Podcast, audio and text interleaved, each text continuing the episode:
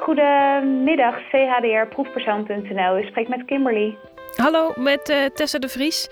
Hallo. Um, hi, ik heb een vraag. Ik was uh, uh, op jullie website terechtgekomen en ik kwam daar tegen dat jullie proefpersonen zoeken voor een onderzoek van een vaccin tegen verkoudheid. Ja. En ehm, ik zou heel graag mee willen doen. Ik vraag me af of dat kan. Ja, nou dit onderzoek loopt inderdaad nog. We zoeken daar ook nog... Hallo, hier ben ik weer. Deze keer hang ik aan de lijn met het Center for Human Drug Research. Ja, we zoeken dus voor dit onderzoek mannen en vrouwen tussen de 18 en de 50 jaar. Een instituut dat geneesmiddelenonderzoek doet. Want ik ben benieuwd of ik als proefpersoon in aanmerking kom. Um, gebruik je zelf iets van drugs? Uh, nee. Zo makkelijk gaat het dus, je aanmelden voor een geneesmiddelenonderzoek. Hiermee verdien ik 600 euro bruto. In de redactie sprak ik met Meike, Wolkan en Clary dat ik iets vreemds had gehoord. Namelijk dit. De gezondheidszorg is volledig gebaseerd op het mannenlichaam. Ik zeg het nog een keer. De gezondheidszorg is volledig gebaseerd op het mannenlichaam. Gek hè? En wat nog veel gekker is, is dat bijna niemand het weet. Zelfs in de medische wereld niet. Dit is een fragment uit een filmpje van Women Inc. Een organisatie die zich inzet voor gelijke kansen voor vrouwen. Best wel een heftige uitspraak. Ik ben heel benieuwd hoe ze hierbij komen. Ik ga langs bij Women Inc. Hi, Tessa, toch? Ja, leuk. Welkom. Kom yes. bij mij.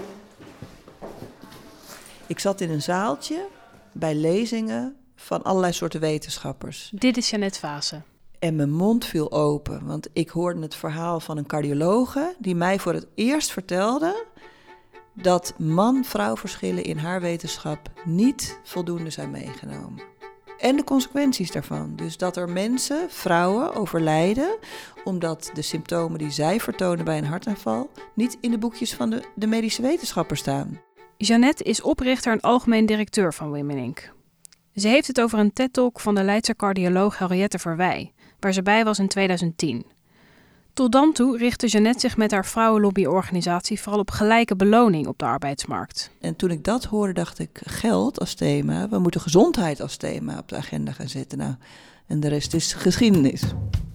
Jeannette bracht 50 wetenschappers bij elkaar en schreef een dik rapport over de ongelijkheid tussen mannen en vrouwen in de gezondheidszorg. Als je dat wil lezen, ik heb mijn link in het i'tje gezet. Een van de onderwerpen die ze aansnijden is medicijnen. En er staat, ik pak hem er even bij, dat medicijnen lange tijd uitsluitend op mannen zijn getest, hoewel ze vaak verschillend en in een ander tempo door de lichamen van mannen en vrouwen worden opgenomen, verspreid en uitgescheiden. Wij zijn er eigenlijk grof gezegd achter gekomen dat je er niet van uit kan gaan dat wat jij in je medicijnkastje hebt staan ook op vrouwen getest is. En soms is dat wel zo, maar je kunt het niet nagaan. Het is niet transparant. Niet op vrouwen getest? Hoe kan dat? Dat wil ik uitzoeken. En daarvoor moeten we een stukje terug in de tijd. Want dat medicijnen lange tijd niet op vrouwen getest zijn, heeft te maken met dit. De farmaceutische industrie, die Softenon en enkele tientallen soortgelijke thalidomide houdende producten de wereld inzond, heeft een ramp gebracht over duizenden. Softenon, of thalidomide. Dit wondermiddel werd in 1957 door het Duitse bedrijf Grunenthal op de Europese markt gebracht. Een volkomen veilig middel om zwangerschapsmisselijkheid tegen te gaan, dachten ze. De enquête die is ingesteld door de inspectie met de Vereniging voor Kindergeneeskunde heeft tot resultaat gehad dat uh, tot nu toe een twintigtal uh, gevallen van deze zogenaamde softenon-baby's in Nederland zeer vermoedelijk zijn aangetoond. Ja, dat zijn er maar twintig, maar het lijkt me dat het er twintig te veel zijn. Er worden wereldwijd veel baby's met misvormde ledematen geboren. Soms zelfs zonder ledematen. Vier jaar later, als er 10.000 kinderen met afwijkingen zijn geboren, wordt het verband met Softenon ontdekt. Professor, hoe was het nu mogelijk dat dergelijke preparaten zomaar ingevoerd worden terwijl ze zo schadelijk zijn? Zoals u weet is op dit ogenblik de nieuwe wet op de geneesmiddelenvoorziening nog niet in werking, waardoor het nog mogelijk is inderdaad om deze preparaten op de markt te krijgen. De nieuwe geneesmiddelenwet, die was nog niet in werking. De Softenon-affaire maakte pijnlijk duidelijk dat het heel hard nodig was. Hiervoor had je helemaal geen vergunning nodig die bewees dat je medicijn veilig was. In 1963 kwam daar verandering in, met de oprichting van het CBG, het College ter Beoordeling van Geneesmiddelen. Vanaf dat moment moeten medicijnen aan strenge eisen voldoen voordat ze een vergunning krijgen. Ze moeten bijvoorbeeld goed en veilig getest worden. Maar ook dit heeft een keerzijde. In Amerika mag er niet meer op zwangere vrouwen getest worden, om een nieuw drama te voorkomen. Daarom spelen de farmaceuten op safe. Er wordt helemaal niet meer op vrouwen getest, want ze zouden zwanger kunnen zijn. Ja, eigenlijk inderdaad zo'n paternalistische uh, houding betrof dat eigenlijk. Ja, om potentiële schade aan een ongeboren kind te voorkomen, uh, werd dit besloten. Je hoort Loes Visser, epidemioloog en apotheker. Ze schreef mee aan het rapport van Women Inc. en vindt het belangrijk om aandacht aan deze ongelijkheid te besteden. Ze vertelt verder. Er is nog wel een tweede reden, hè, die in ieder geval vaak genoemd wordt. En dat is dat mannen over het algemeen beschouwd worden als een meer homogene populatie. Hè, met minder schommelingen in uh, hormoonspiegels. En dat betekent uiteindelijk dat als jij een meer homogene populatie patiënten hebt in je onderzoek, dat je uh, zeer waarschijnlijk minder patiënten hoeft te includeren om uiteindelijk de effectiviteit ten opzichte van die placebo-tablet aan te tonen. Dit komt misschien als een schok. Mannen en vrouwen verschillen van elkaar. Vrouwen hebben meer hormonale schommelingen en dat kan van invloed zijn op het onderzoek naar medicijnen. Om te bewijzen dat een medicijn goed werkt, heb je meer vrouwen dan mannen nodig. Er lijkt bewijs te zijn dat vrouwen en mannen anders reageren op medicijnen. Bij het bijwerkingencentrum LAREP melden vrouwen bijvoorbeeld anderhalf keer vaker bijwerkingen dan mannen. Loes Visser doet al jaren onderzoek naar bijwerkingen. Uit een van haar onderzoeken blijkt dat vrouwen die bloeddrukverlagers slikken significant vaker in het ziekenhuis belanden door bijwerkingen. Ik ben benieuwd of alle medicijnen inmiddels wel op mannen en vrouwen worden getest. Daarom heb ik een afspraak bij het College ter Beoordeling van Geneesmiddelen in Utrecht. Want die houden toezicht op de werkzaamheid, veiligheid en kwaliteit van medicijnen en geven een handelsvergunning af. Ik heb een afspraak met uh, Christina Gispe en Doni Ik neem de lift naar de bovenste etage. Daar moet ik woordvoerder Doni Potassen. Ah ja, en ik zag beneden hebben jullie een soort kunstwerk van medicijnen. Ja, klopt. Wat grappig. Ja, ja het kunstwerk is uh, gemaakt. Ik heb het nog niet heel goed bekeken, dacht ik ga er straks nog even... Keer, uh, ik weet niet of het kostuum er nog ja? hangt. Het is een jurk, helemaal gemaakt van pillen. Uh, wat een vrouw dan de hele leven slikte, zeg maar. Dus dat ja? was, ja, was ook wel heel bijzonder. Oh, wat grappig, ja. ja. Blijkbaar is er wel aandacht voor vrouwen bij het CBG. Vol goede moed ontmoet ik Christine Gispen, arts en farmacoloog. Oftewel een expert op het gebied van geneesmiddelen. En ik werk al sinds 2002 bij het College ter Beoordeling van Geneesmiddelen. Heb daar beoordelingswerk gedaan um, en heb de laatste tien jaar het wetenschapsbeleid voor het college gedaan.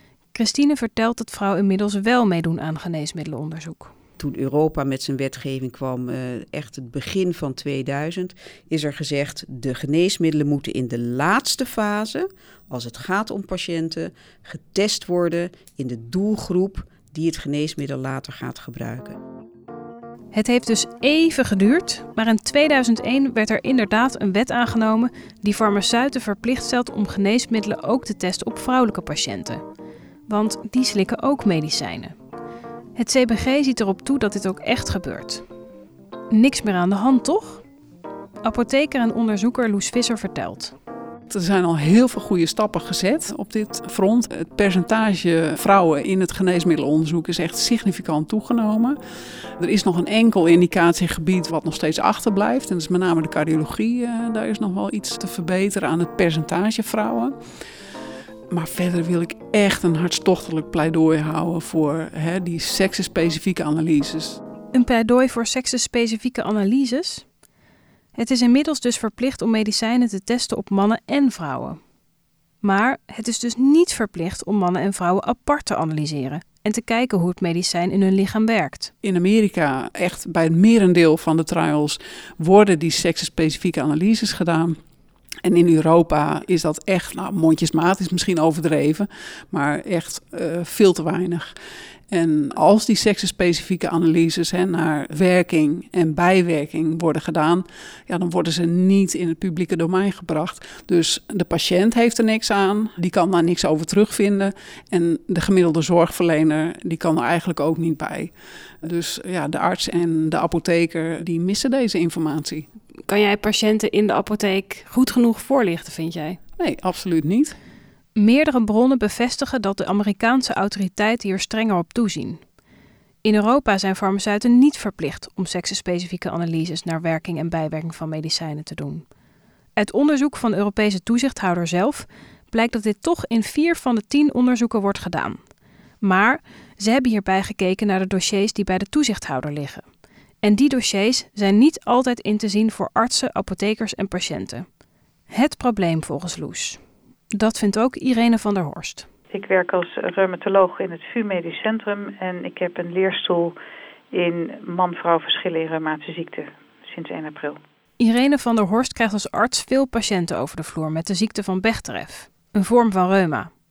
Er valt daar iets op.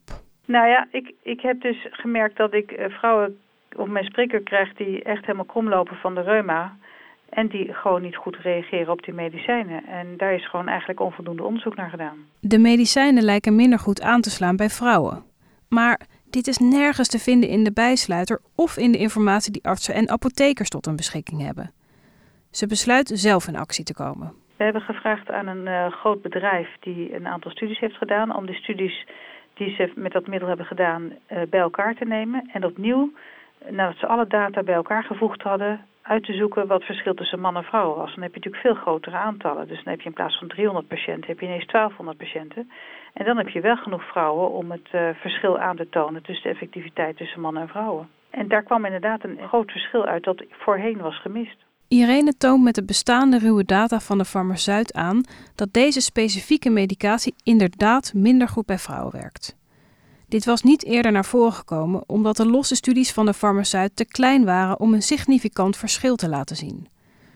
De farmaceut had het eerder niet gedaan en anderen konden het niet doen omdat de data niet openbaar is. Ik pleit ervoor dat we dit uh, bij alle geneesmiddelen waar de studies al gedaan zijn, om opnieuw de gegevens die ze hebben van dat geneesmiddel bij elkaar te voegen en te analyseren, om te kijken of er verschillen zijn. En dat is bij de ziekte van Bechterew kan het zijn dat vrouwen gewoon uh, onderbelicht zijn. En dat hebben we ook aangetoond. Maar het kan bij andere reumatische ziektes omgekeerd zijn dat mannen zijn uh, ondergesneeuwd. Omdat de ziekte vaker bij vrouwen voorkomt. Terug naar het CBG. Je weet wel, onze toezichthouder. Ik leg de kritiek op de huidige situatie van Loes en Irene voor. Het CBG erkent dat de informatie nog niet perfect bij ze wordt aangeleverd. Dat is iets wat we nu geleerd hebben uit de aandacht die er is voor gender, dat wij aan de farmaceutische industrie nu en in de toekomst duidelijker moeten gaan vragen om ook de gegevens apart te presenteren. En als ze niet altijd apart worden aangeleverd, is het ook moeilijk om uit te maken, zeg maar, of er een verschil is tussen mannen en vrouwen. Dus Omdat het dan op een, op een hoop is gegooid uiteindelijk. Dan is, hoop, dan is het op een hoop gegooid. Dus dan, weet, dan wordt het gepresenteerd als één groep. En uh, de aandacht, zoals ik zei, de aandacht die er nu voor is, maakt dat wij ook intern gezegd hebben: je moet mensen daarvan bewust maken. Uh, en met name ook aan de fabrikant vragen: lever ons die data nu wel netjes in tabellen apart aan. En gebeurt dat nu ook altijd? Ik kan niet helemaal zeggen of dat nu um, elke dag uh, even goed gebeurt. Want um, zo'n dossier duurt een tijd, zeg maar, voordat dat, uh, voordat dat bij ons op tafel komt. Um, laat ik het zo zeggen. Het CBG doet in elk geval zijn best om zoveel mogelijk te ventileren, ook in de voorbespreking met de firma als ze een dossier willen eh, presenteren, dat ze dat gaan doen. Als je me nou vraagt, gebeurt dat elke dag? Daar durf ik niet mijn hand voor in het vuur te steken. Oké, het CBG is hier heel eerlijk in. Het gebeurt nu niet altijd, maar ze gaan farmaceuten vragen dit in de toekomst wel te doen. En ze gaan nog een stap verder. Deze informatie zal openbaar gemaakt worden voor artsen en apothekers. Als je mij nu vraagt, Kan ik dat morgen al vinden? Dan zeg ik nee, dat kan je waarschijnlijk niet vinden. Want dat duurt wel even voordat je iedereen zeg maar eh, in gang hebt gezet op een manier dat de informatie ook begrijpelijk, logisch en relevant wel ontsloten wordt. En wanneer zou ik dat wel kunnen terugvinden? Dat is een hele goede vraag. Dat wil je natuurlijk altijd weten. Van, hebben jullie dat morgen al klaar? Ik zal je heel eerlijk zeggen, daar, ehm, en dat zijn wij niet alleen, dat zijn ook dingen die je in Europees verband moet bespreken. Als ik je zou zeggen, natte vingerwerk, dat je over drie tot vijf jaar, denk ik, toch best wel veel meer over de gender zult gaan vinden in het publieke domein. Er zijn nog steeds middelen op de markt die heel lang geleden getest zijn. Is dat daarbij ook een soort verplichting dat jullie nu met terugwerkende kracht dit soort aanpassingen doen? Wordt daar opnieuw naar gekeken? Nee, dat doen we niet. Er moet echt iets gebeuren met een middel. Op het ogenblik is een anti-epilepticum, het valproatus dan bijvoorbeeld weer onder de aandacht. Dat is een heel oud middel. Daar zijn dan bepaalde veiligheidsaspecten mee. Dan ga je daar bijvoorbeeld wel weer naar kijken. Maar je gaat niet met terugwerkende kracht al die duizenden geneesmiddelen die er zijn aan dit proces onderwerpen. Dat zou denk ik ook onbetaalbaar zijn. Maar belangrijker, je kunt je afvragen, is het nodig? Want die geneesmiddelen worden natuurlijk al heel lang gebruikt en we zien niet zo heel veel problemen op de markt. Het CBG doet zijn best, maar de verantwoordelijkheid hiervoor ligt bij de Europese toezichthouder. Het CBG heeft er dus niet de volledige invloed op wanneer nieuwe richtlijnen worden gevolgd. Christine Gispen van het CBG verwacht hier over drie tot vijf jaar verandering in te zien. Tegen die tijd kunnen artsen mij beter voorlichten over nieuwe medicijnen en of die even effectief werken voor mij of een man. Maar het wordt niet verplicht om dit met terugwerkende kracht voor alle medicijnen te doen.